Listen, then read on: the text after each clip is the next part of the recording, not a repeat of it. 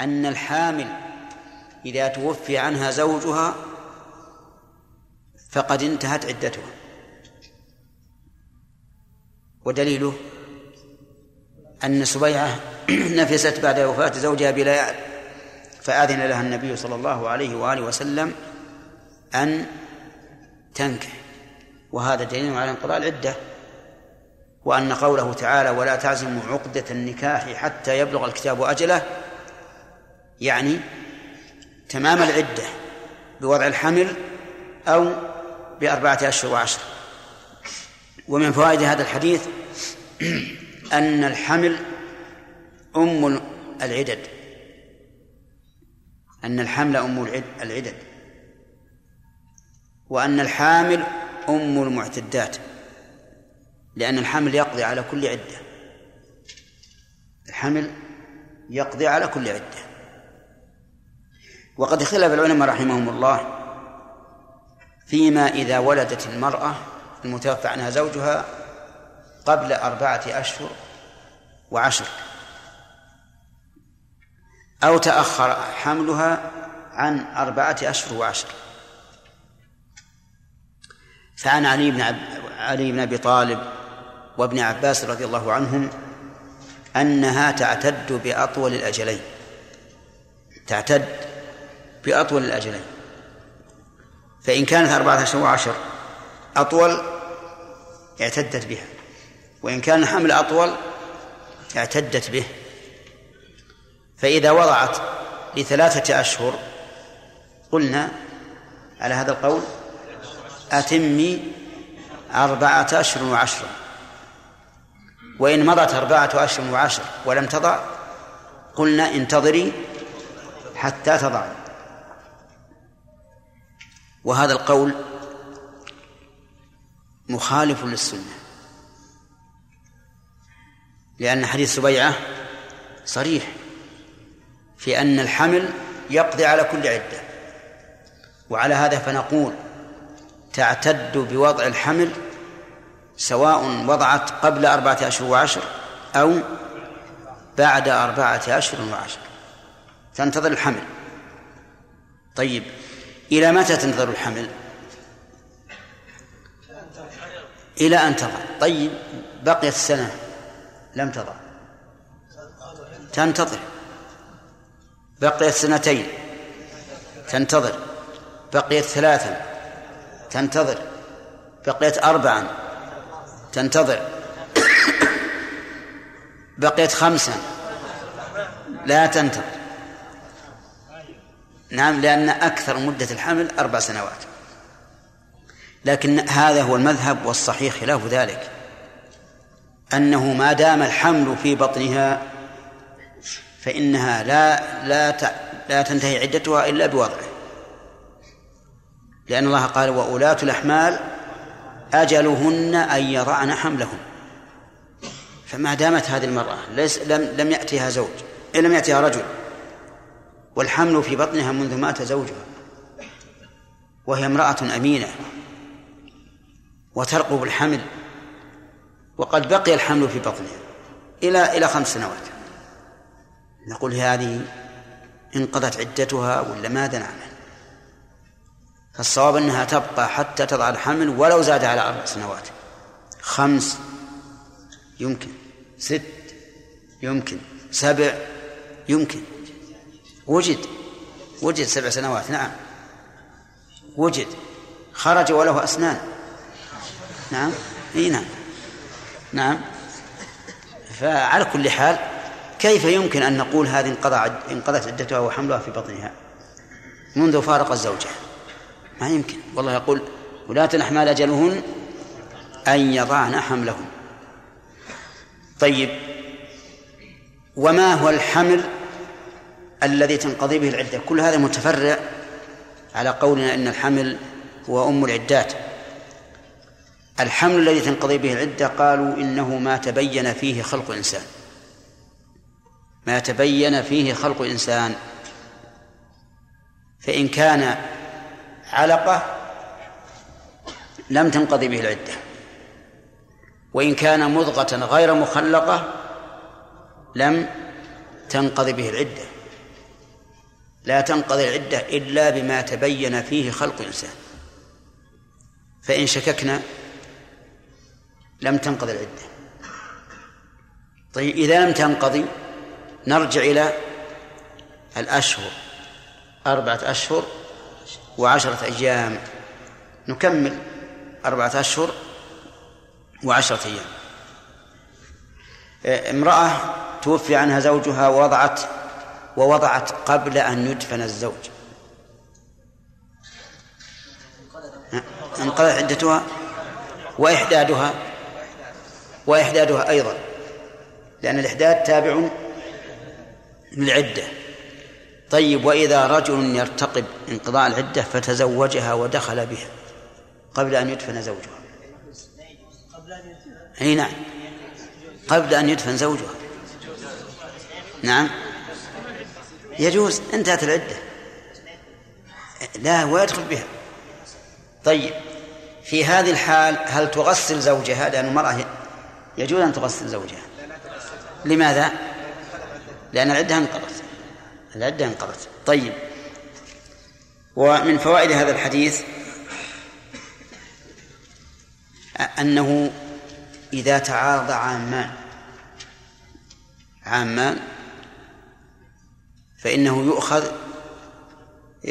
فإنه يؤخذ بما دل الدليل على أن أحدهما أحد العمومين مقدم على الآخر فإن لم يدل الدليل أخذنا بما يجمع العمومين واضح؟ طيب في عمومنا الآن والذين يتوفون منكم ويذرون أزواجا يتربصن بأنفسهن أربعة أشهر وعشرة. هذه عامة في الحوامل وغير الحوامل. وأولاة الأحمال أجلهن أن يضعن حملهن. عامة في المفارقات في الحياة والمفارقات بالموت. فبأي العمومين نأخذ؟ نقول إذا لم يوجد دليل على تغليب أحد العمومين أخذنا بما يجمع بينهما كرأي علي وابن عباس لأننا إذا أخذنا بأطول الأجلين فقد أخذنا بالعمومين. أما إذا وجد دليل فإن على أن أحد العمومين أقوى من الآخر فإننا نعمل به. وهنا وجد دليل. على أن أحد العمومين أقوى من العموم الآخر. ما هو الدليل؟ حديث سبيع. فإنه يدل على أنه على أن الحامل إذا وضعت الحمل وإن لم يأتي عليها أربعة أشهر وعشر تنقضي عدتها. نعم. ثم قال وفي لفظ أنها وضعت بعد وفاة زوجها بأربعين ليلة. وفي لفظ لمسلم قال الزهري ولا أرى بأسا أن, تتزو أن تزوج وهي في دمها غير أنه لا يقربها زوجها حتى يطهر ها؟ كيف؟ غير أنه لا يقرب زوجها حتى تطهر. طيب. ما قاله الزهري صحيح. يعني لا بأس أن يتزوجها بعد نفاسها ولو كانت في دمها لم تطهر من النفاس لكن لا يقربها حتى أطهر حتى تطهر. وكذلك الحائض لا بأس أن يتزوجها الإنسان وهي حائض لكن لا يقربها حتى تطهر. ولكن هل ندخله عليها وهي حائض؟ يعني لو عقد الإنسان على امرأة بكر حائض فالعقد صحيح ولكن هل ندخله عليها وهي حائض؟ لا في تفصيل ينظر إذا كان الرجل صاحب دين وعقل فإننا ندخله ولا بأس. لأن نعرف أن هذا حرام الوطي ولا. أما إذا كان شابا يظهر عليه التهاون نعم وقلة وقلة الدين فإننا لا ندخله لأنه لا يملك نفسه في هذا الحال. نقول انتظر حتى تطهر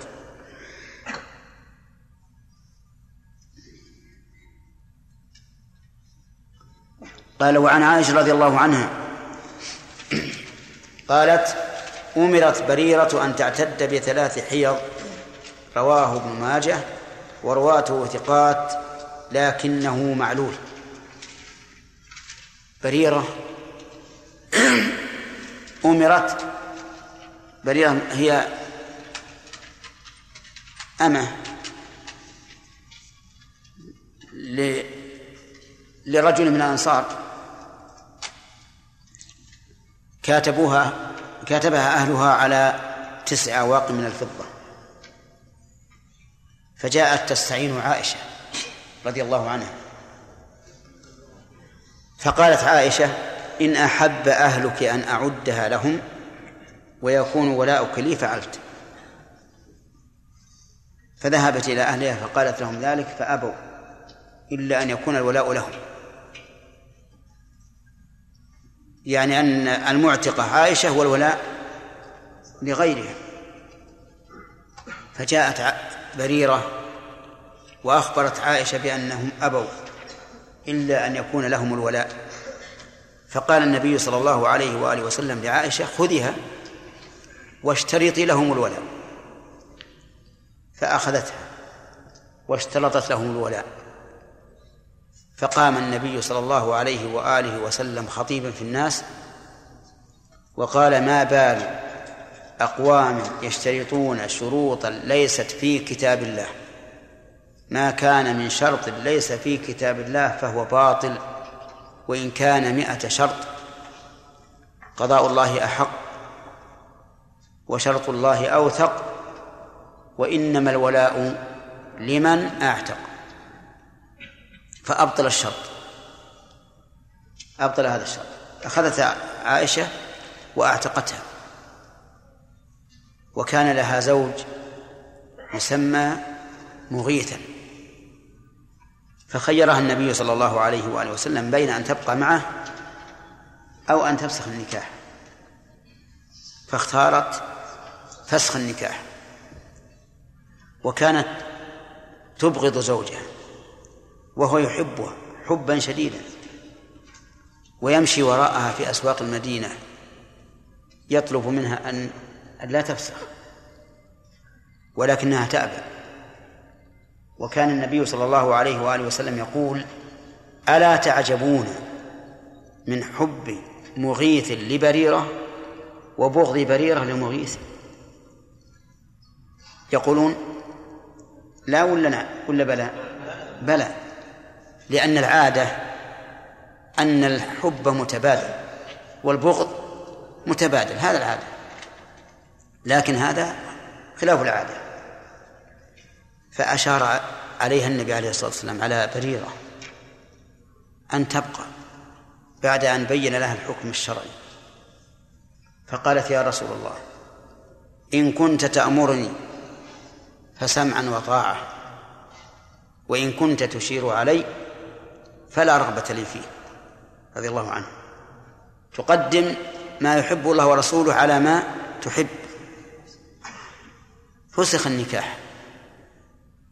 فسخ النكاح.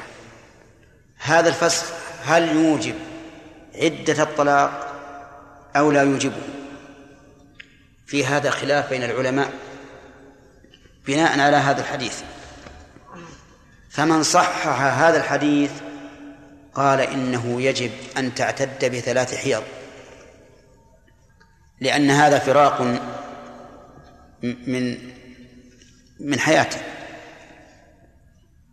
فوجب أن تعتد به ثلاث حيض كالفراق بالطلاق. وقال آخرون لا يجب أن تعتد بثلاث حيض لأن هذا فسخ لا رجعة فيه. والقرآن يدل على أن الذي فيه على أن الاعتداد بثلاث الحيض لمن يمكن رجعتها.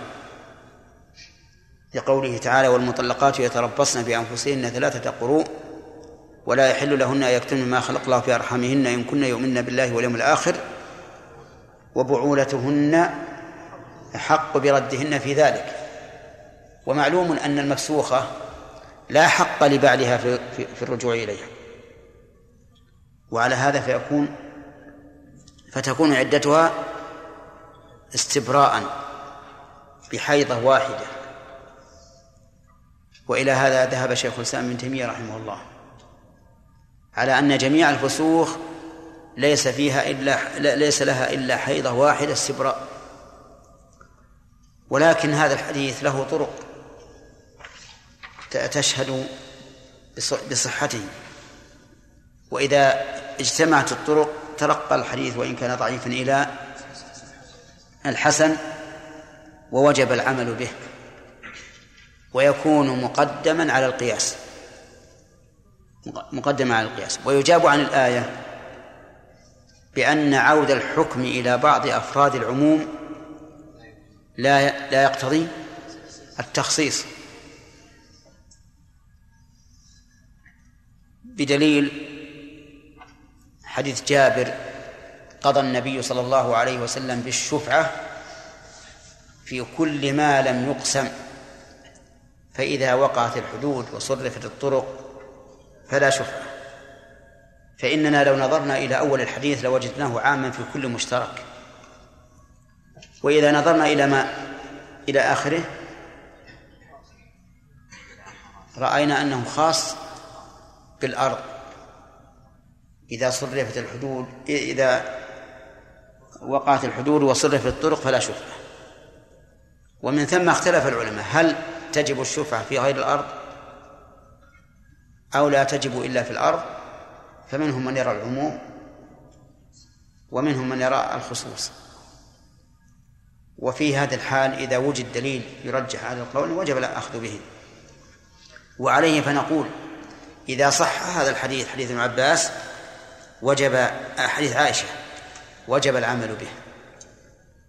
وإلا فالقياس لا. القياس لا يعمل به. نعم.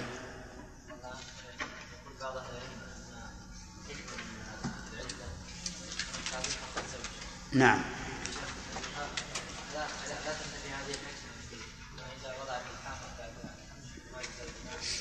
لا. لأنها لأن الحكمة المستنبطة ما تقضي التخصيص. ها؟ أقول من قال إن هذه العلة يعني من العلماء من يقول لله العلم ببراءة الرحم.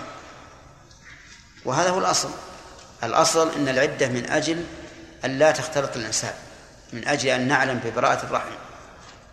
ولكن طولت العدة في من في من لها رجعة من أجل أن أن أن الزوج يتأنى هل يرجع أو لا يرجع؟ نعم. نعم. ما هي صورة إذا لم يرمي نعم. يقول هذا الولد ليس مني. فيقول أشهد بالله أن هذه هذا الولد ليس مني. أربع مرات. وأن لعنة الله عليه إن كان من الكاذبين. والمرأة. تعاكس تحتاج إلى معلوم. نعم.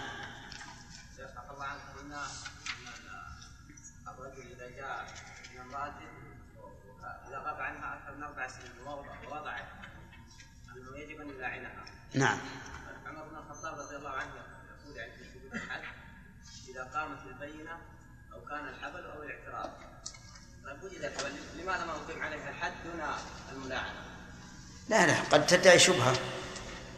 قد تدعي شبهة والزوج لا يقبلها. شيخ قلنا أن من أقر بولده طرفة عين فليس له أن يبيع نعم. شيخ من نفى ولده وثبت الانتفاع عند الحاكم. ثبت إيش؟ ثبت الانتفاع من حاكم. يعني ثبت إيش؟ ثبت الانتفاع. الانتفاع؟ نعم. يعني نفاه عند الحاكم. نعم. هل له أن يرجع في هذا بعد مدة؟ هي الاستلحاق أهون. الاستلحاق أهون. يمكن أن يستلحق.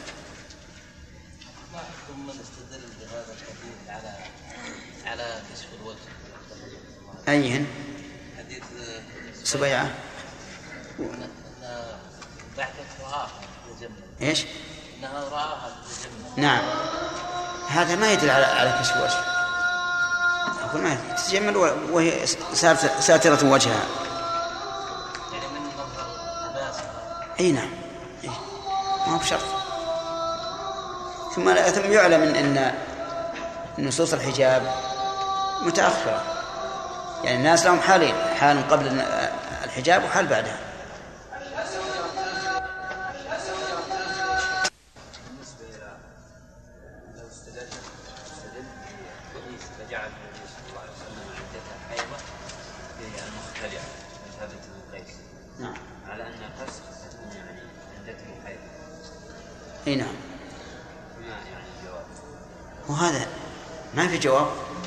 إذا استدل بأن المختلعه لها حيضة واحدة.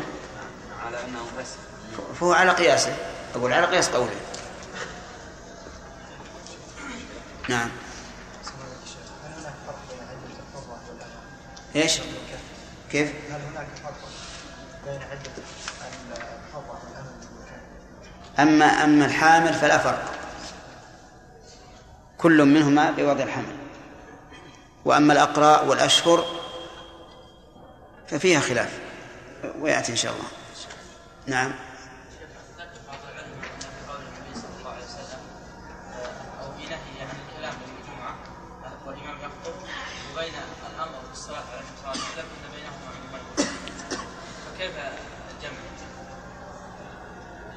أن بينهما؟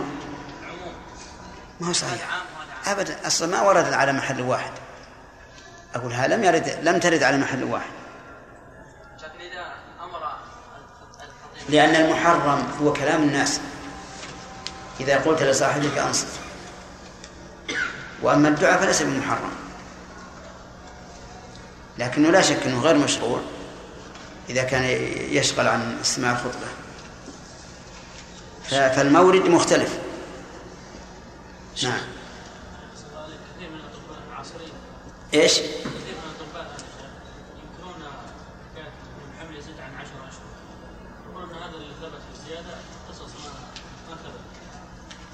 اي سهلة. تكذيب هؤلاء بالواقع. نحن نحن نعلم أن بعض النساء يزيد, على عشرة إلى 11 شهر.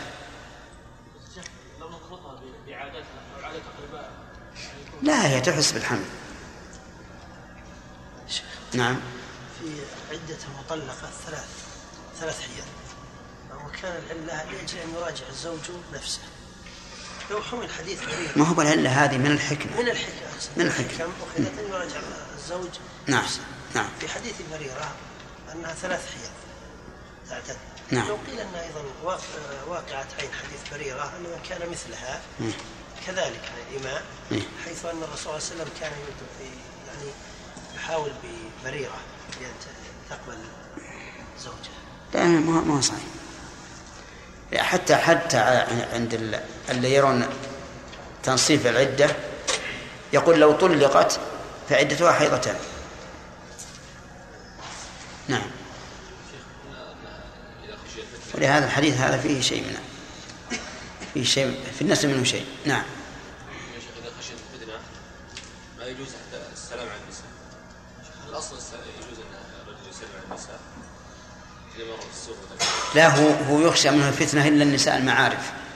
يعني الواقع أن السلام على النساء يخشى منه الفتنة إلا في المعارف. ولا لو إنسان يمر مع من عند امرأة في السوق وسلم فتنة على طول. ما يجوز هنا نعم. خلاص. اللعان تعريفه عند العلماء.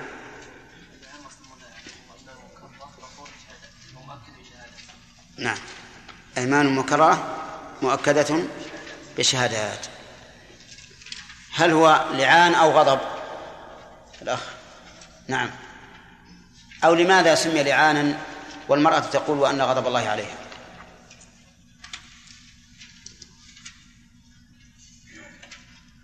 أما حضرت.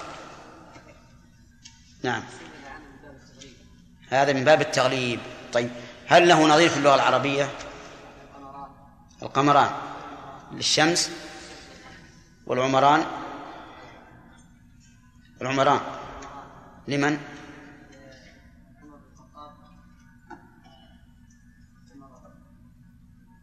وأبي بكر. طيب. وبين كل أذنين؟ بين كل أذانين. الأذان والإقامة طيب. يلا على السائل. في حديث ابن عمر الأول. قال الرجل إن الذي سألتك عنه قد ابتليت به. فهل هذا خبر عن واقع أم ماذا؟ ها. يعني سؤالها الأول عن واقع. غير واقع. يعني معناه هل سؤالها الأول بعد أن ابتلي به ولا قبل أن يبتلى به ثم ابتلي به بعد سؤاله. بعد سؤاله. طيب إذا كان الأمر كما قلت فهل يشهد لهذا شيء من كلام الناس؟ من المنظوم أو المنثور؟ نعم. طيب سلامة. ان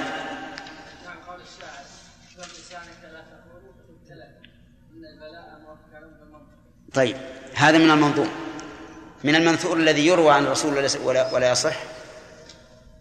أي نعم. البلاء موكل بالمنطق. طيب في احتمال آخر؟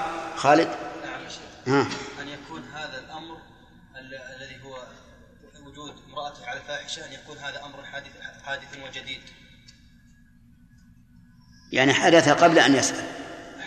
احتمالين انتهينا من, من الأول. الذي أنه لم لم يقع إلا بعد أن سأل. الاحتمال الثاني يكون خبر عن الأول فكأنه قال إن الذي سألتك عنه في أول الأمر آه. هو أنني قد ابتليت به وهو واقع وليس مفهوم أحسنت. وليس متوقعا. واقع وليس متوقع صحيح. على كل حال هو محتمل. هذا وهذا. طيب. لو وجد رجلا على امرأته ناصر هل له أن يقتله؟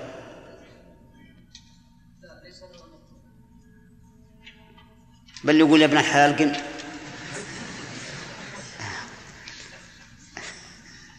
إيش؟ ها؟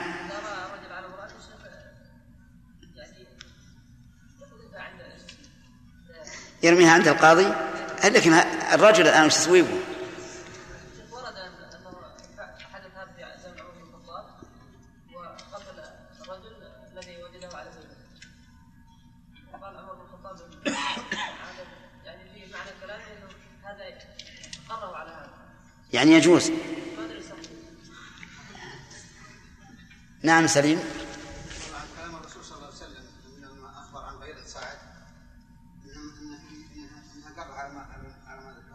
نعم.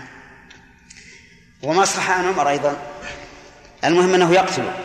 الجواب الآن أنا ما سألت عن الدليل. الجواب هل يقتله أم ماذا؟ سؤال سليم. هل يقتله أو لا؟ يقتله. طيب صحيح.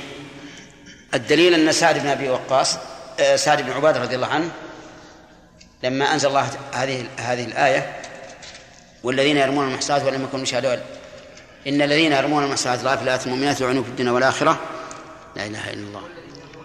والذين يرمون أزواجهم ولم يكن لهم شهادة إلا أنفسهم فشهادة أحدهم أربع شهادة بالله يعني قال إما هذا أو هذا أنا نسيت الآن. قال يا رسول الله أدع لكع باللكع على أهلي حتى آتي بأربعة شهداء والله لأضربنه بالسيف غير مصفح. فقال النبي صلى الله عليه وآله وسلم ألا تعجبون من غيرة سعد؟ والله إني لأغير من سعد والله أغير مني فأقره طيب لو قال قائل هذا يخالف القاعدة المشهورة عند العلماء أن الصائل يدفع بالأسهل فالأسهل فإذا لم يندفع إلا بالقتل قتل. فما الجواب؟ نعم هذا قد وصل إلى الحد الاعلى أي نعم. الحد على الصوت أي نعم. خلاص هذا انتهى. يعني هذا ما, ما وش ندافع عن إيش؟ أقول ما في ما في محل المدافعة فهو من باب إقامة الحد عليه أو أو ما أشبه ذلك. هل له نظير في في الشرع؟ بمعنى أننا ننتقم منه بدون إنذار. نعم الدم لك.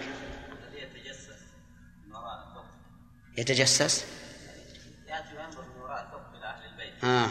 يعني الذي ينظر من ثقب الباب إلى أهل البيت. ماذا نعمل فيه؟ هل ننصح ونقول ابن الحلال ترى هذا ما يجوز؟ ولا يجوز أننا نتختل ونفقع عينه؟ أيهما؟ الثاني. طيب. وإذا كان ذلك بالاستماع. الأخ. أي نعم. ها؟ وش تقولون؟ لا لا صح. ليس بصح يعني ما نجيب شيء نخلق أذنه. لأنهم يقولون فرق بين الأذن والعين العين تبصر العورات. تبصر العورات. افرض أن الرجل مع أهله. وأنت تنظر إليهم في البيت هذا لا يمكن. لكن الأذن تسمع.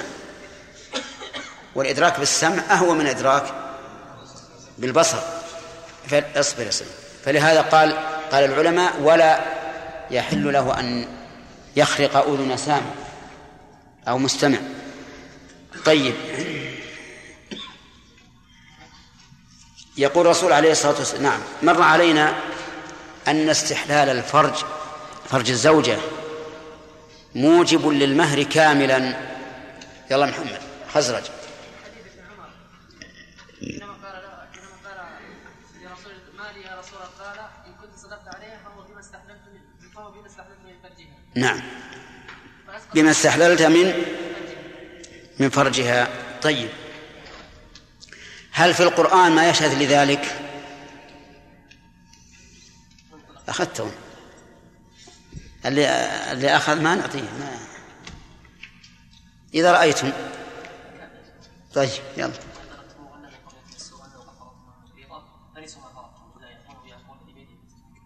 مفهومه أن بعد المس يجب المهر كاملا لكن لو قال قائل المفهوم هنا ما بين الله سبحانه وتعالى فيه شيء فيه شيئا. قال إن طلقتموهن من قبل أن تمسوهن وقد فرضتم لنا في رضا فنصف ما فرضتم. طيب إذا مسسناهن من يقول لهن كل المهر؟ المفهوم ما, ما يدل على المفهوم يدل على أنه إذا حصل المس فالحكم خلاف ذلك. لكن هل المعنى لا تعطونهن شيئا أو أعطوهن المهر كاملا؟ إيه لكن هل نأخذ من مفهوم الآية؟ لأن مفهوم الآية تأملها. ثم طلقتموهن من قبل أن تمسوهن فنصف ما فرضتم. مفهومه إذا كان بعد المسيس فليس لهن النصف. فليس لهن النصف. طيب وش لهن؟ منين؟ أحسنت. تمام. وآتوا النساء صدقاتهن نحن لأن المفهوم بالحقيقة بس خلاف الحكم الموجود لكن ما هو الحكم المتعين؟ طيب. في امرأة لعنها زوجها فبدأت هي الأولى. خالد. بدأت هي الأولى. هل يصح اللعان أو لا؟ الترتيب شرط؟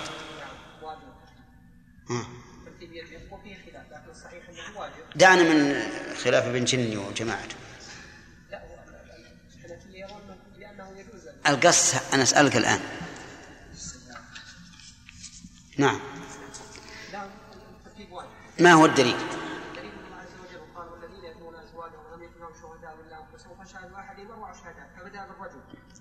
هذا الدليل. واما التعليل فلان لا. المرأة إنما تلاعن ليدرى عنها الحد. فإذا بدأت باللعان آه، لم يجب عليها الحد بعد.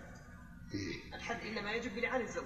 إذا نقول ال- الآية تدل على أنه يجب أن يكون لعان الزوج هو الأول. لأن الله قال ويدرأ عنها العذاب أن تشهد ولا يثبت العذاب إلا بلعان الزوج. أحسن تمام. طيب نرجع إلى درسنا. استدل بعض العلماء بجواز الطلاق ثلاثا بحديث اللعان. حديث سهل بن سعد رضي الله عنه. فما وجه استدلالهم؟ وهل يصح؟ بندر. قال ان النبي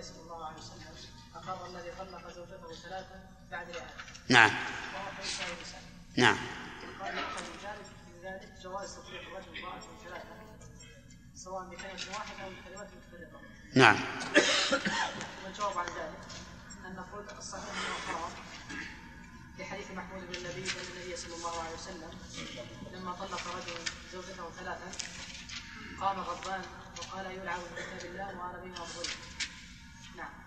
فأنكر ذلك النبي صلى الله عليه وسلم. طيب فعل عمر رضي الله عنه إنه لما تبايع الناس في الطلاق الثلاث أمضى عليه. عقوبة له. طيب هذا صحيح. الآن فهمنا أدلة القائلين بالتحريم لكن رجحان القول يا أخوان لا بد له من أمرين. أدلة تؤيده والثاني الدفع. حجة الخصم. فبماذا ندفع استدلال من استدل بحديث سهل؟ نعم لك.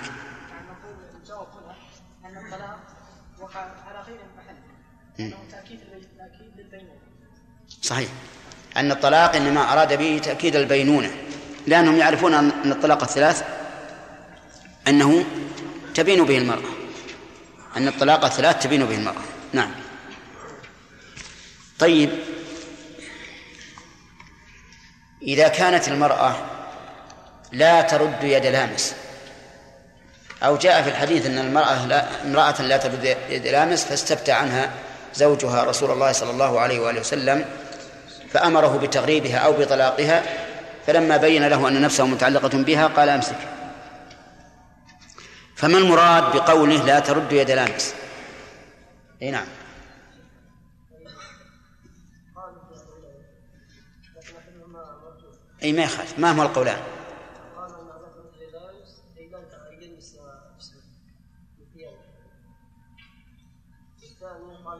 لا ترد يدامس لا تعطيه مالا إيش؟ لا تعطيه؟ لا تعطيه مالا. إيه لكن لا ترد. ويقول لا ترد. ها؟ إنها لا ترد يد لامس يعني يد ملتمس طالب للمال. طيب. والأول يد لامس مثلا بمصافحة أو جس أو ما أشبه ذلك. أيهما أصح حكمة الله؟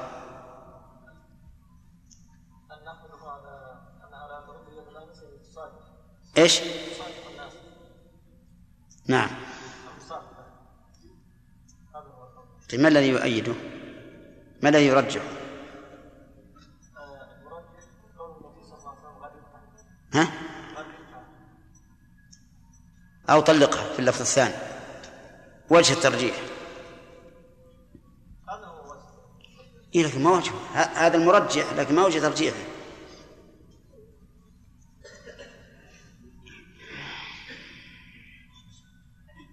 نعم.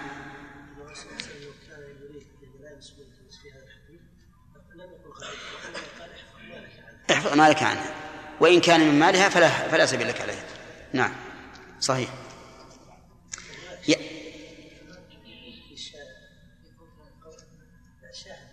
نعم.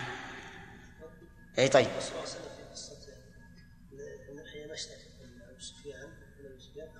نعم. نعم. طيب إذا قال قائل كيف يرخص له الرسول عليه الصلاة والسلام أن يمسكها مع أنها بهذه السعة لا ترد يد النساء ما هو؟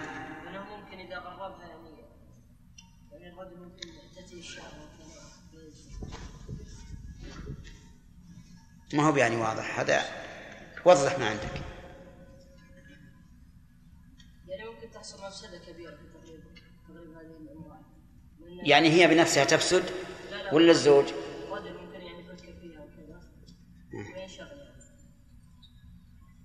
يعني أن أن الرسول راعى حال الرجل هذا بأنه لا يصبر عنها وأن نفسه تتبعها. نعم. فرجح أن تبقى لئلا ينشغل بها وبالإمكان أن يوجه إلى إلى إصلاحها. فيقال احفظها. طيب. رجل أبيض أحمر وامرأته بيضاء حمراء.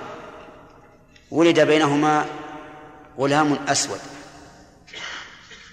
فهل يجوز أن ينفي هذا الغلام بناء على أنه خالف لونه لونهما؟ ليش؟ نعم. لا السؤال لماذا؟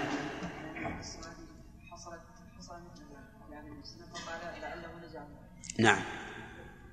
لا يجوز لأنه ربما يكون أحد من أجداده من قبل أبيه وأمه على هذا اللون فنزعه استعمل النبي عليه الصلاة والسلام في هذا في هذا الحكم إقناعا عجيبا. فما هو يا فهد؟ ها؟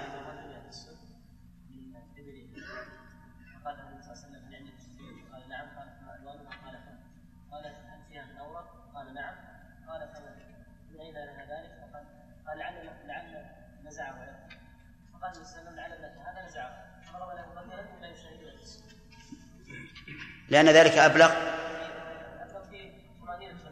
نعم. في إقناعه وطمأنينة قلبه. ذكرنا أن في هذا الحديث دليلا على القياس. أن في هذا الحديث دليلا على القياس. كيف ذلك؟ نعم لأنه قاس قاس هذا الإبن على على هذا يعني المولود من من الابل آه. الجمل المخالف لألوان الإبل. نعم. يقول العلماء كل شيء فيه مثل في القرآن والسنة فهو دليل على القياس. كل شيء فيه مثل مثل مثل الحياة الدنيا كما نزله من السماء وما أشبه ذلك. هذه قاعدة في الاستدلال في الاستدلال على في الاستدلال للقياس. نعم. في نقول في الاستدلال للقياس ولا على للقياس طيب. ويجوز أن نقول على. استدل على كذا بكذا. لقوله تعالى ألم تر إلى ربك كيف مد الظل؟ ولو شاء لجعله ساكنا ثم جعلنا الشمس عليه دليلا. عليه دليلا. هل يمكن أن نستدل بهذه الآية على ما قلنا إنه يجوز أن يكون الدليل للشيء أو على الشيء؟ نعم. يعني علامة عليه دليل بمعنى علامة ثم جعلنا الشمس عليه دليلا أي علامة. والدليل لا شك أنه علامة. لكن إذا إذا أردنا أن نقول فلان استدل بكذا لكذا. نقول لكذا. جعله أصلا يبنى عليه. فأنت إذا اعتبرت أن الدليل أن الدليل أصلا يبنى عليه فاللام أولى. وإن اعتبرت أن الدليل علامة فعلى لأن هذا الذي جاء في القرآن. بمناسبة ذكر الآية ألم تر إلى ربك كيف مد الظل ولو شاء لجعله ساكنا ثم جعلنا الشمس عليه دليلا؟ جعلنا هنا معطوفة على إيه؟ ألم تر إلى ربك كيف مد الظل ولو شاء لجعله ساكنا ثم جعلنا الشمس عليه دليلا؟ على مد؟ هي ما هي على لجعله ساكنا؟ ليش؟ لأن المعنى يختلف. يفسد المعنى. أي نعم. إذن يحسن إذا إذا قرأنا ألم تر إلى ربك كيف مد الظل ولو شاء لجعله ساكنا؟ نقف. ثم نقول ثم جعلنا الشمس عليه دليلا لئلا يتوهم واهم أن قوله ثم جعلنا الشمس عليه دليلا معطوف على لجعله ساكنا. طيب.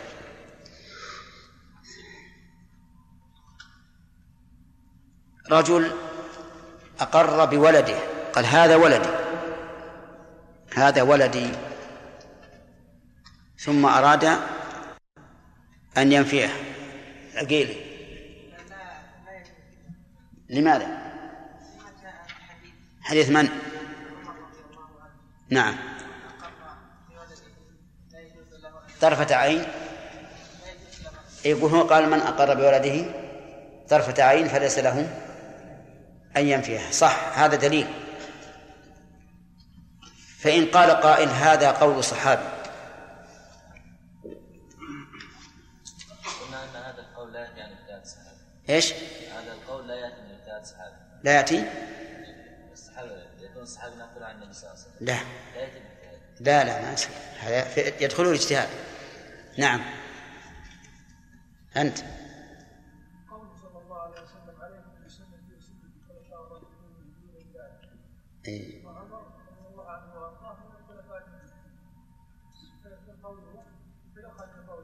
تمام.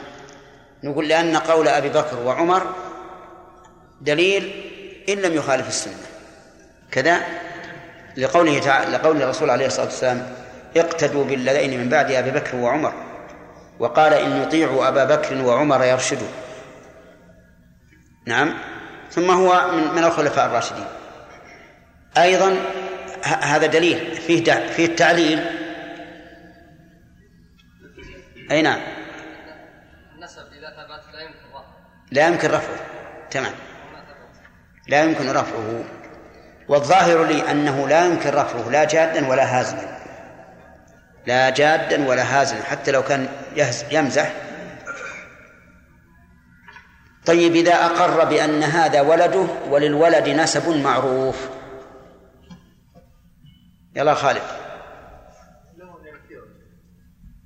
كيف له ينكر له نسب اخر غير ابيه أقر قال هذا الولد لي وله نسب معروف. إن هذا ابن فلان غير هذا الرجل.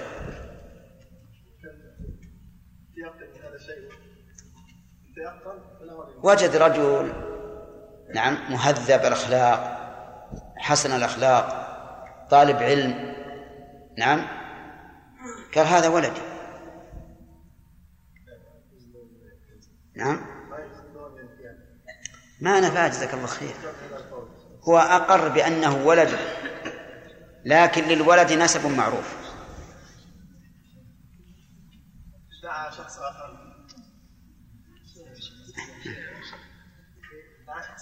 أنت لك ولد.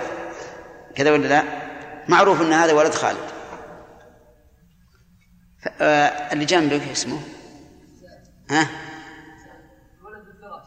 لا لا ما بس. أقول من أنت؟ ها؟ اسمه؟ يلا سعد. فقال سعد هذا ولدي وهو لك معروف.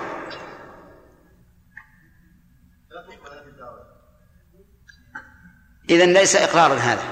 انتبه. هذا ليس بإقرار ولكنه ادعاء. صحيح؟ فلا يقبل. طيب بهذه المناسبة لأن يعني معنا وقت ولا ولا يمدينا نأخذ. بهذه المناسبة من أخبر عن من أخبر بشيء على نفسه لغيره. من أخبر بشيء على نفسه لغيره. ماذا نسميه؟ مقر. طيب. ومن أخبر عن نفسه لشيء على غيره بشيء على غيره فهو مدعي.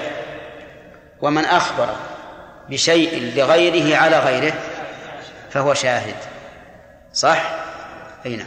فهذه من الفروق بين المدعي والمقر والشاهد. نعم.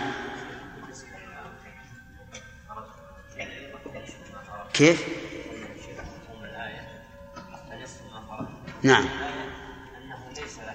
ليس لها نصف المهر نعم.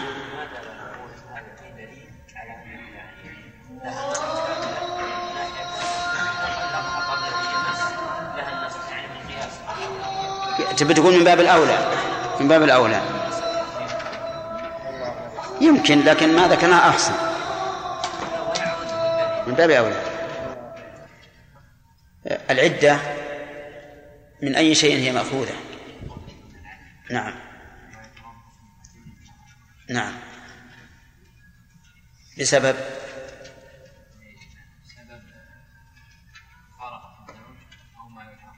فرقة نكاح وما يلحق به. طيب.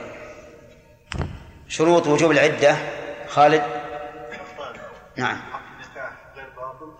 أن يكون أن يكون عقد النكاح غير باطل وأن يكون الوقت يحصل فيه الولد لمثله ومثله وأن لا. أن يحصل وقت أو خلوة. نعم. يحصل به ولد. كيف؟ ومثله يحصل به ولد وما حصل به. سليم؟ نعم. ها. أن يولد لمثله بندر؟ ممن يولد لمثله؟ لمثله. طيب الشرطان في كل عدة من داود؟ في كل عدة؟ ها في الوفاء المتوفى عنها زوجها يشترط العقد فقط. أما المطلقة يشترط أن يكون العقد باطل؟ لا أن لا أن يكون العقد غير باطل. هذا يشترط في المتوفى عنها زوجها فقط. هذا العقد. نعم. وأما وأما المطلقة؟ المفارقة يشترط شرطان يعني أن لا يكون العقد غير باطل وأن تحصل أن لا يكون العقد غير باطل. أي أن يكون يكون ها؟ أن يكون العقد غير باطل. نعم. وأن يحصل خلوة آه، لمن يولد. خلوة أو وقت أو خلوة لمن يولد بمثله بمثله. ه- هذان الشرطان لمن؟ المفارقة. في غير موت. في غير موت. وف- وفي الموت؟ بس أول. شرط واحد. طيب. إذا شرط واحد لكل مفارقة. ويزيد المفارقة في الحياة؟ طيب. هل يشترط بلوغ المرأة؟ الأخ أي نعم. لا يشترط بلوغ المرأة. حتى في المفارقة في الحياة. لا ليس موت ها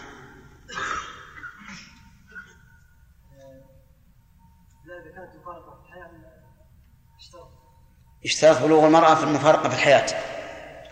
أما الموت فلا يشترط. إيه. طيب.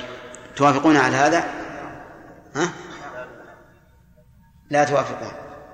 نعم. كيف العكس؟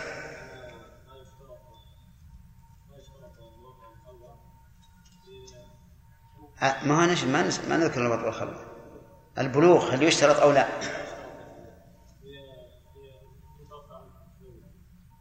والمفارقة في الحياة يشترط البلوغ العكس المفارقة في الموت يشترط البلوغ وفي الحياة لا يشترط العكس ما نعم. نعم. يشترط البلوغ نعم. خليل؟ لا يشترط البلوغ فيهما جميعا. يشترط البلوغ في الحياة أن تعتد و- ولا يشترط في في بعد الموت لأنه عقد صحيح. إذا كان عقد صحيح وإذا كان بالغا وغير بالغ يعتد وي- وإذا كان الحي يلزم أن يكون بالغا. بالغ. نعم. ابن داود؟ لا يشترط في الاثنين. صحيح. لا يشترط في الاثنين. لأن يقول يشترط أن يكون وطن أو خلوة ممن يولد مثل لم- لمثله بمثله. ما هو شرط البلوغ. طيب لكن لو ما. وإن لم يبلغ. هي. ولا هو. ما إيش؟ إذا بلغت ويولد إذا- الفرق بين قولنا البلوغ وقولنا ممن يولد لمثله بمثله الذي يولد لمثله بعشر سنين وبمثله أم تسع سنين. هذه ما بلغت لكن ربما بالوطية يحصل بلوغ. لكن إذا فارق بغير وطء طيب على كل حال ما هو شرط؟ البلوغ ليس بشرط. طيب. لو مات عن زوجته قبل أن يدخل بها وقبل أن يخلو بها هل عليها عدة؟ إذا مات قبل أن يدخل بها ويخلو بها فليس عليها عدة. نعم. المنان تجب عليها العدة؟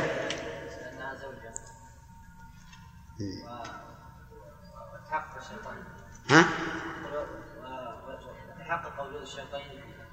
الشيطين هل يشترط الشيطان في في عدة الوفاة؟ لا يشترط شرط واحد هو يكون العقد غير باطل. لكن إيه، طيب ما هو الجواب الآن؟ مات زوجها قبل أن يدخل بها وقبل أن يخلو بها؟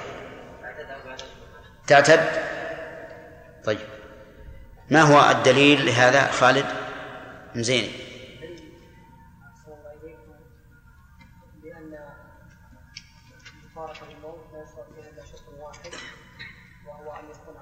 الدليل الدليل. نعم. لا أنها تعتد إذا مات زوجها ولو, ولو لم يدخل بها.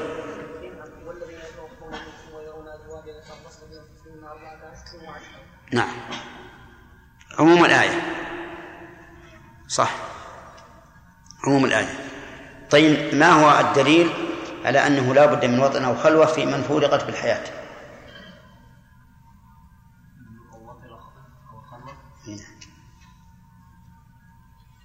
في من طلقت يعني فورقت بالحياة. ما هو الدليل؟ على أنه ليس عليها عدة إذا لم يحصل وطن ولا خلوة.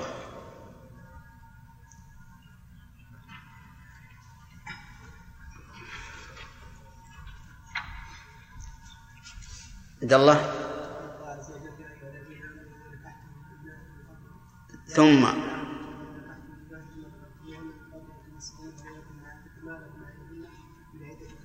تمام. يا أيها الذين آمنوا إذا نكحتم المؤمنات ثم طلقتموهن من قبل أن تمسوهن فما لكم عليهن من عدة تعتدونها. هذا الدليل. طيب. امرأة مات عنها زوجها ونفست آه، قبل شهر. هل تنتهي عدتها أو لا؟ الدليل. ها؟ ما هو الدليل؟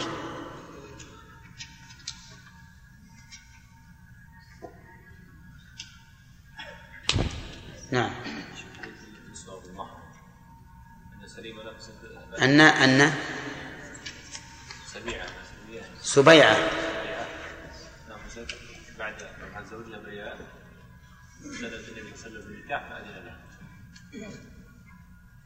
طيب. صحيح الدليل؟ طيب. امرأة مات عنها زوجها وحاضت ثلاثة حيض. زكي. حاضت ثلاثة حيض في ثلاثة أشهر.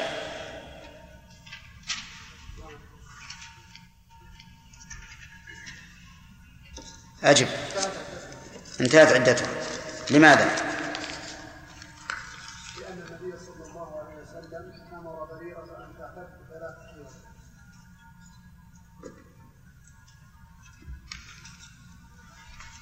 لأن بريرة أم لأن بريرة أمرت أن تعتد ثلاث حيض نعم. ما تقولون؟ نعم. ها؟ ها؟ لا حاضت ثلاث حيض في ثلاث في ثلاث أشهر. وقد توفي عنها زوجها. فهل تنتهي عدتها أو لا؟ تنتهي العدة. حكمة؟ ليش؟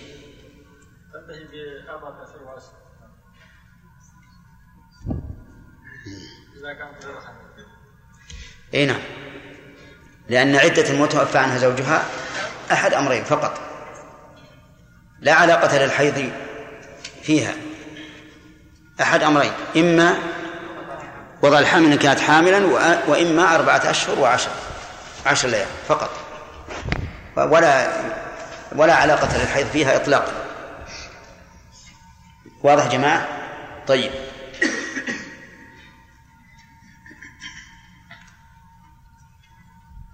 امرأة تزوجها رجل وهي صغيرة فخلا بها ولها ثمان سنوات ثم طلقها. نعم أجب. عليها عدة. طيب. كل واحد فارقها أو طلقها عليها عدة. نعم. الأخ. ماذا تقول؟ كيف ما عليها عدة خلا بها. ها؟ ها؟ ليش؟ ثمان سنوات. صح؟ أي نعم.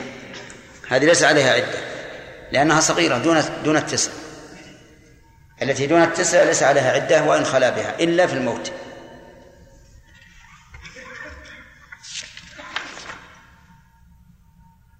قول الزهري في في التي وضعت بعد موت زوجها. لا أرى بأسا أن تتزوج غير أنه لا يقربها زوجها. ما المراد بالقربان هنا؟ نعم. أي نعم. ها؟ النكاح. طيب. أو أن لا يقربها أبدا يكون في جانب وهي في جانب. النكاح.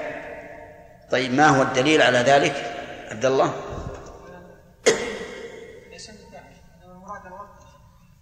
إيه هو مراد الوقت؟ مراد بالنكاح الوقت. أقول هذا صحيح؟ كيف يقول لا يقربها؟ لا يباشرها لا يباشرها أو لا يطأها لا فرق عظيم. له يستمتع بها آه. إذا لا يجامعها لماذا اختار الزهري أن التعبير بلا يقربها دون أن لا يجامعها ناصر؟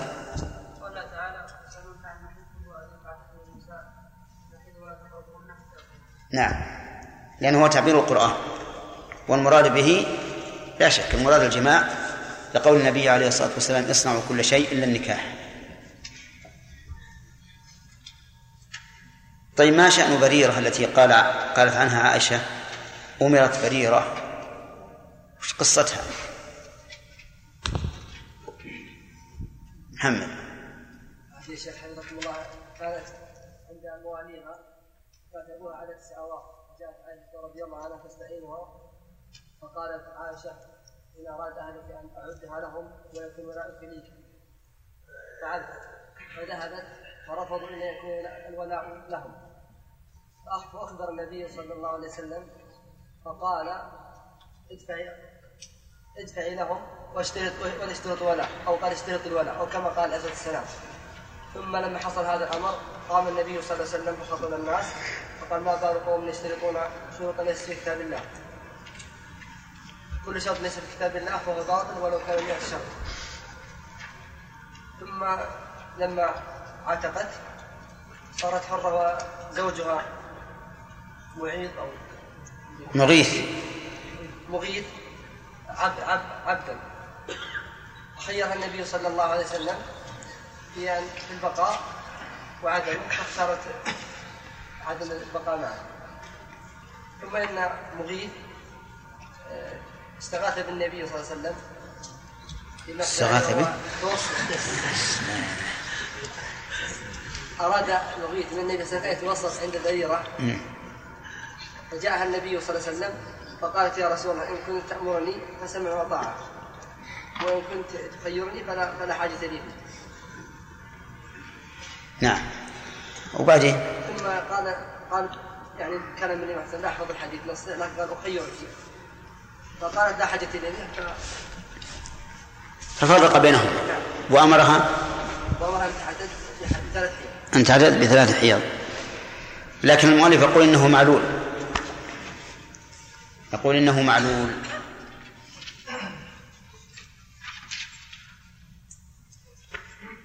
ولهذا اختلف العلماء في هذه المسألة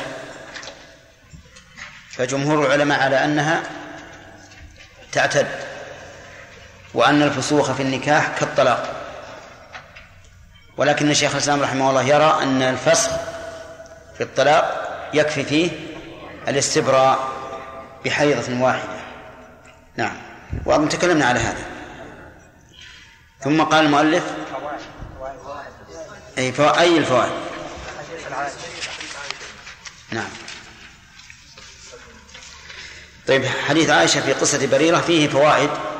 ولا نتكلم عن ما لم يذكره المؤلف لكن نتكلم عما ذكره. وهي وجوب الاعتداء بثلاث حيض على من فسخ نكاحها. لكونها عتقت تحت زوج تحت زوج عبد. هذا إن صح الحديث. ومن فوائده جواز حذف الفاعل للعلم به لقولها أمرت بريرة والآمر هو النبي صلى الله عليه وآله وسلم. ومن فوائدها من فوائد هذا الحديث أن المباشر للقصة يكون أعلم بها من غيره. فإن عائشة رضي الله عنها مباشر للقصة لأن بريرة اشترتها عائشة وأعتقتها. قال وعن وعن الشعبي عن فاطمة بنت قيس رضي الله عنها عن النبي صلى الله عليه وسلم في المطلقة ثلاثا ليس لها سكنى ولا نفقة رواه مسلم. المطلقة إما أن تكون مطلقة بواحدة أو ثنتين فهذه لها نفقة ولها سكنى يعني يجب على الزوج أن ينفق عليها وأن يسكنها. بل يجب أن تبقى في بيت زوجها. لقول الله تعالى لا تخرجوهن من بيوتهن ولا يخرجن إلا يأتين بفاحشة مبينة. وتلك حدود الله ومن يتعدى حدود الله فقد ظلم نفسه. فيجب عليها أن تبقى في البيت تأكل مما يأكل زوجها وتسكن فيما يسكن فيه. وإما أن تكون مطلقة آخر ثلاث تطليقات. فهذه تبين من زوجها وتحرم عليه حتى تنكح زوجا غيره ولا يحل لها الكشف الكشف له. ولا أن يخلو بها في العدة لأنها صارت بائنة منه بائنة بينونة كبرى لا تحل له إلا بعد زوج. وعلى هذا فليس لها نفقة وليس لها كسوة كما قضى به النبي صلى الله عليه وآله وسلم. ليس لها نفقة وليس لها سكن لأنها ليست في حكم الزوجات بل هي بائن منه هكذا قضى النبي صلى الله عليه وآله وسلم. وقوله في المطلقة ثلاثا. قد يفهم بعض الناس أنها أن فاطمة بنت قيس طلقت ثلاثا في مجلس واحد وليس كذلك. وقد جاء التصريح في صحيح مسلم أنها طلقت آخر ثلاث تطليقات. يعني أن زوجها طلقها من قبل ثم راجعها ثم طلقها ثم راجعها ثم طلقها الثالثة. وكان في اليمن. وأمر وكيله أن يأتيها بشيء من شعير. حين طلقها. متاعا لها. فجاء بها فجاء به إليها فسخطته. وقالت لا أريد. يعني كأنها تريد نفقة أحسن من هذا. فقال لا ليس لك إلا ذلك. يعني أنه وكيل ولا ولم يوكل إلا بإعطاء الشعير فارتفعوا أو فرفع شأنهما إلى النبي صلى الله عليه وآله وسلم فقال لها ليس لك نفقة ولا سكنة. وعلى هذا فيكون الشعير الذي أمر وكيله أن يعطيه إياه إياه يكون على سبيل التبرع والصدقة وليس على سبيل الوجوب. هكذا قضى رسول الله صلى الله عليه وآله وسلم. وقال بعض العلماء إن المطلقة ثلاثا تجب لها النفقة والسكنى لأنها محبوسة من أجل حق زوجها فهي كالرجعية. ولهذا لا يجوز أن تتزوج ما دامت في العدة. فإذا كانت محبوسة لحق زوجها وجب لها النفقة والكسو والسكن. والنفقة إذا قلنا النفقة فهي الطعام والشراب والكسوة ولكن هذا القول قياس في مقابلة النص. فيكون فاسد الاعتبار لا عبرة به. القول الثالث أن لها السكنى دون النفقة. لها السكنى لأنها محبوسة لحق زوجها. فيجب عليه أن يسكنها.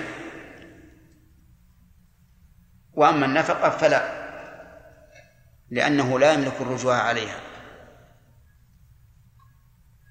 والصحيح الأول القول الأول أنه ليس لها نفقة ولا سكنى.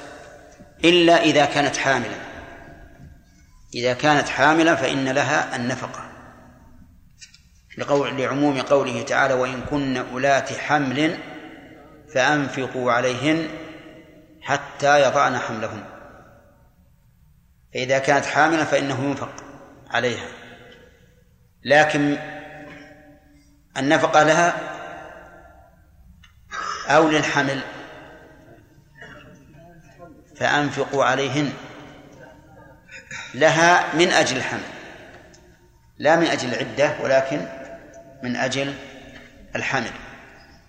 فتبين الآن بذلك أن المطلقات ثلاثة أقسام. قسم حامل فهذه لها النفقة والسكنى بكل حال. وقسم غير حامل لكنها رجعية. فهذه كذلك لها النفقة والسكنى وقسم ثالث حائل بائنة. فهذه ليس لها نفقة ولا ولا سكنى ليس لها نفقة ولا سكنى لأنها بانت من زوجها. وهل مثل ذلك المفسوخة؟ الجواب نعم. لأن الفسخ لا رجعة فيه للفاسخ. وإنما المراجعة في الطلاق.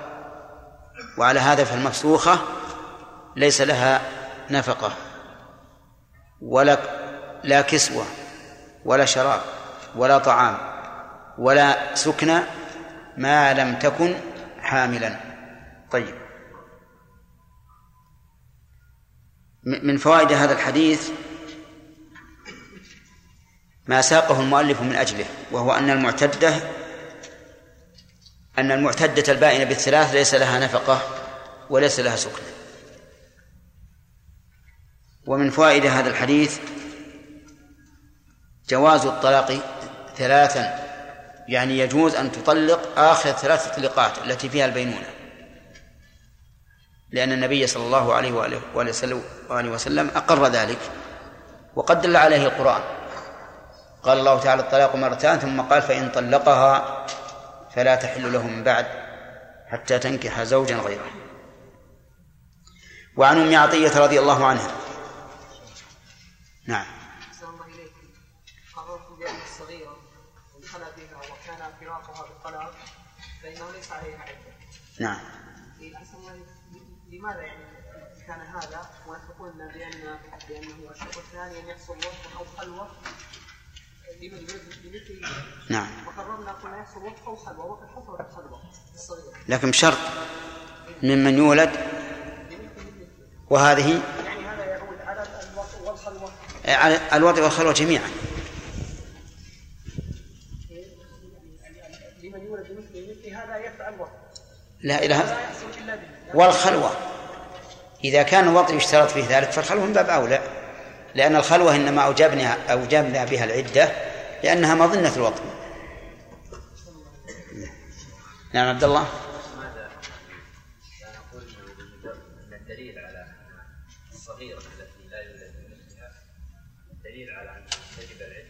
أنها لا تجب.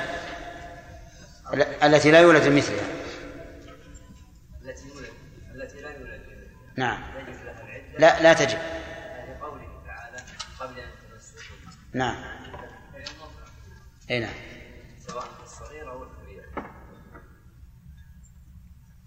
قالوا لأنه لما اشترط الوطئ والخلوة نعم علم أن المقصود بالعدة العلم ببراءة الرحم. وهذه التي لا يورث مثلها قد ضمن قد ضمن أنها ليس لها لا يمكن أن تحمل.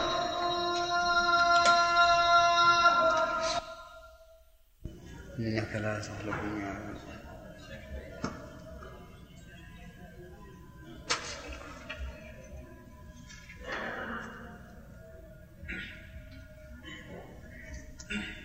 نعم. عام لها النفقة والسكنى عام لها النفقة. النفقة والسكنى نعم؟ داخل في فأنفقوا عليهم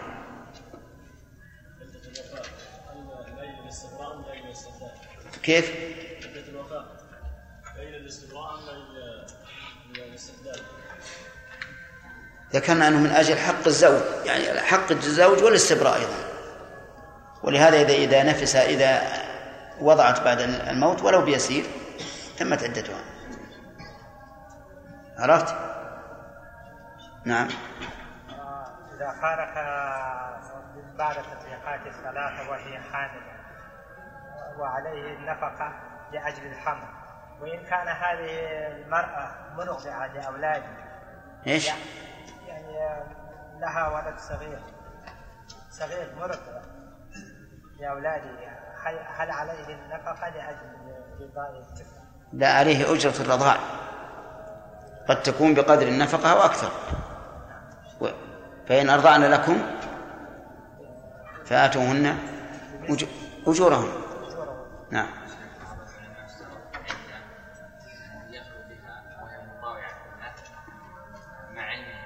نعم. ما هو بشرط. ما هو بشرط. قد نقول العلم بها أنه شرط لأن لأن من لا يعلم ما يعتبر خاليا. أما كونه مطاوعة فليس بشرط. نعم. وهو صحيح. وهو قلنا يكون النكاح غير باطل. يدخل به الفاسد والصحيح. نعم. أحسن الله إليك. شيخ ثبت عن عمر أنه لما سمع قول فاطمة. فاطمة قال لا ندع كلام ربنا في قول امرأة لا ندري أحفظت أم نسيت. نعم. كيف نرد على هذا؟ نرد عليه باجتهاد منه. لأنه ليس في ليس في القرآن ما يخالف السنة. القرآن ما في ما يخالف السنة.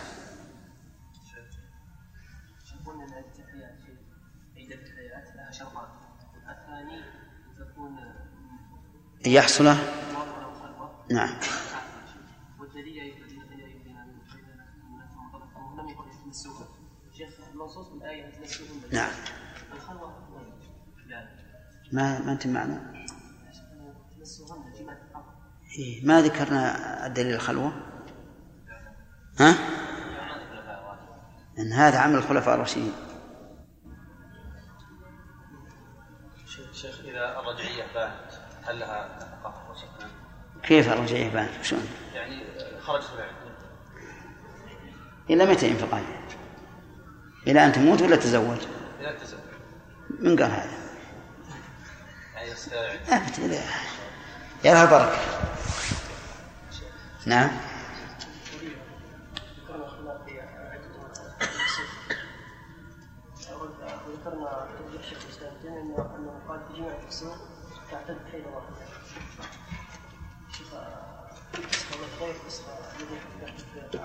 كيف؟ هل هناك فسخ آخر غير حديث عائشة؟ إيه غير هذه؟ إيه فسوق. يفسخ لعيبها مثلا أو تفسخ لعيبه أو في الخلع. أشياء كثيرة. فسوق. ذكر ابن القيم في بدائع الفوائد أن الفرقة في النكاح شبه فرقة. نعم. العقيلي؟ أستاذ الشيخ بالنسبة للعقيدة إذا للمجهول هل يجوز لنا إذا كان المجهول هو الله المحذوف هو الله حرم حرمت عليكم المخالف الآية. هل يقول لنا هل يجوز لنا أن نقول مثل ما قال النحويين أنها آه، مبني للمجهول؟ أي الفعل ما هو ما هو الفاعل. ولهذا نقول مبني مجهول للعلم بالفاعل. الفاعل معلوم. نعم. لا يروح الوقت يا حجاج. ما أخذت فوائده؟ طيب. تم وبعد شريطة وعن أم عطية جاء هذه وعزم انتهى الفوائد. أخذنا فوائد. ها؟ من من من حديث رأس الحديث جاء في الشريطة اي هو ما, ما في فوائد كثيرة. بسم الله الرحمن الرحيم. قال المؤلف رحمه الله تعالى وعن أم عطية رضي الله عنها أن رسول الله صلى الله عليه وسلم قال لا تحد امرأة على ميت فوق ثلاث إلا على زوج. لا تحد عندنا بالضم. ويجوز الجزم. أي لا تحد. والفرق بينهما.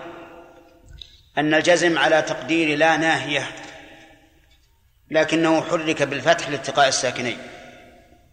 لا تحد. وأما الضم فعلى أنها نافية فأما على كونها ناهية فالأمر ظاهر.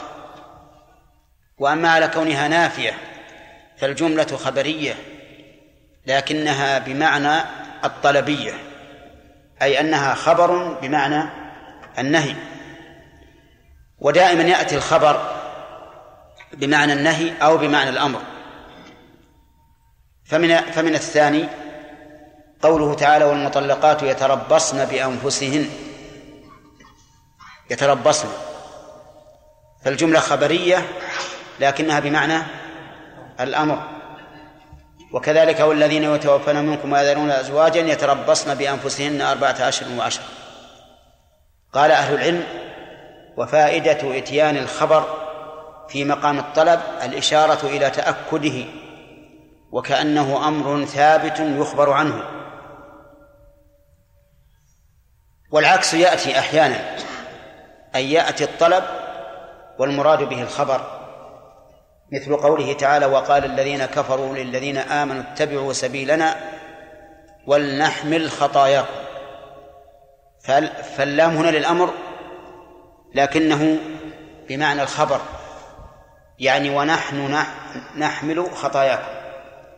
لكنهم أتوا به بصيغة الطلب بصيغة الأمر من شدة التزامهم به كأنهم يقولون ونحن نلزم أنفسنا بذلك. وقوله امرأة على ميت امرأة نكرة في سياق النهي أو النفي فتكون للعموم أي امرأة سواء كانت أما أم بنتا أم أختا أم عمة أم خالة على ميت فوق ثلاث أي ثلاث ليال. وإنما جاء الحديث بهذا اللفظ ثلاث دون ثلاثة كأنه والله أعلم موافقة موافقة للآية. والذين يتوفون منكم ويذرون أزواجا يتربصن بأنفسهن أربعة أشهر وعشرا أي عشر ليال. وهنا فوق ثلاث أي فوق ثلاث ليال. إلا على زوج. أربعة أشهر وعشرا يعني إلا تحد على زوج أربعة أشهر وعشرا أي عشر ليال. وقول أربعة أشهر المراد بها الهلالية. لأنها هي الأشهر الشرعية الكونية.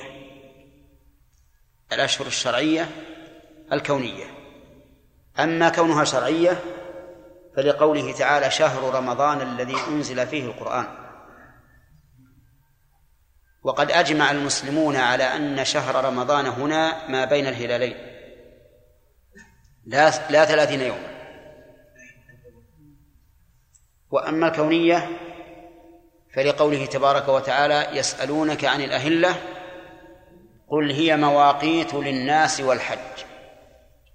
للناس عموما. وقوله تعالى إن عدة الشهور عند الله اثنا عشر شهرا في كتاب الله يوم خلق السماوات والأرض منها أربعة حرم. وهذا توقيت لجميع الخلق. والتوقيت الذي يعمل به الكفار اليوم وتبعهم عليه المستعمرون من من المسلمين توقيت لا أصل له ولا حقيقة له وليس مبنيا على شيء. ولهذا لم يعرف هذا التاريخ في كتب المسلمين إلا بعد أن تولى المستعمرون على على بلادهم. صحيح أنهم يعرفون هذا عن العجم وربما يشيرون إليه في بعض الكتب لكن كونه هو تاريخ البلاد الذي تتحدد فيه الآجال وغيرها هذا غير معروف عند المسلمين. ولكن على القاعدة المعروفة أن الضعيف يقلد القوي. صار الناس الآن يقلدون الأقوياء وإن كانوا على باطل إلا من عصم الله. قال ولا تلبسوا عند مسكنة ولا تلبس. كذا مسكنة عندكم؟ طيب. إذن لا ناهية. ولا تلبس ثوبا مصبوغا إلا ثوب عصر الثياب المصبوغة في عهد الرسول عليه الصلاة والسلام ثياب زينة. فلهذا نهى أن تلبس ثوبا مصبوغا. بل يبقى على ما هو عليه. على ما نسج عليه. إن كان من صوف أسود فهو أسود وإن كان من وبر أحمر فهو أحمر على ما هو عليه. لا تلبس ثوبا مصبوغا إلا ثوب عصر وهذا ثياب معروفة عندهم. تكون خيوطها من الأصل مصبوغة. يعني لا يرد عليها الصبغ بل الخيوط مصبوغة من الأصل.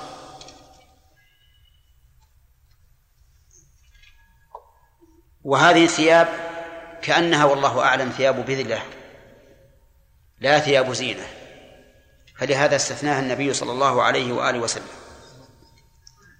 ولا تكتحل والكحل يكون في العين.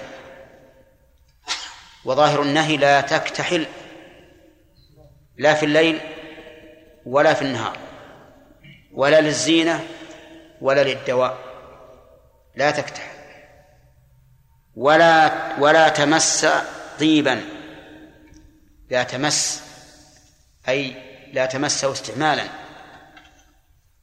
فلا تستعمله سواء مسته أو عن طريق الميل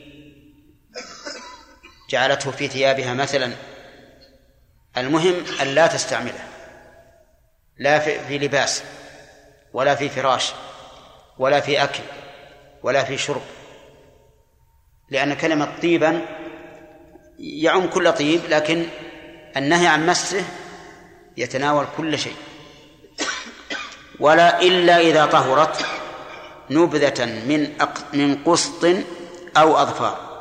يقال قسط ويقال كسط ويقال كست بالتاء كلها لغات. وهو نوع من الطيب قيل إنه البخور. تتبخر به إذا طهرت. وقوله نبذة النبذة الشيء القليل وذلك لحاجتها الماسة إلى استعمال هذا الطيب. فرخص لها النبي عليه الصلاة والسلام من أجل الحاجة والضرورة ولأنه يزول لأنه دخان يتبخر. متفق عليه وهذا لفظ مسلم.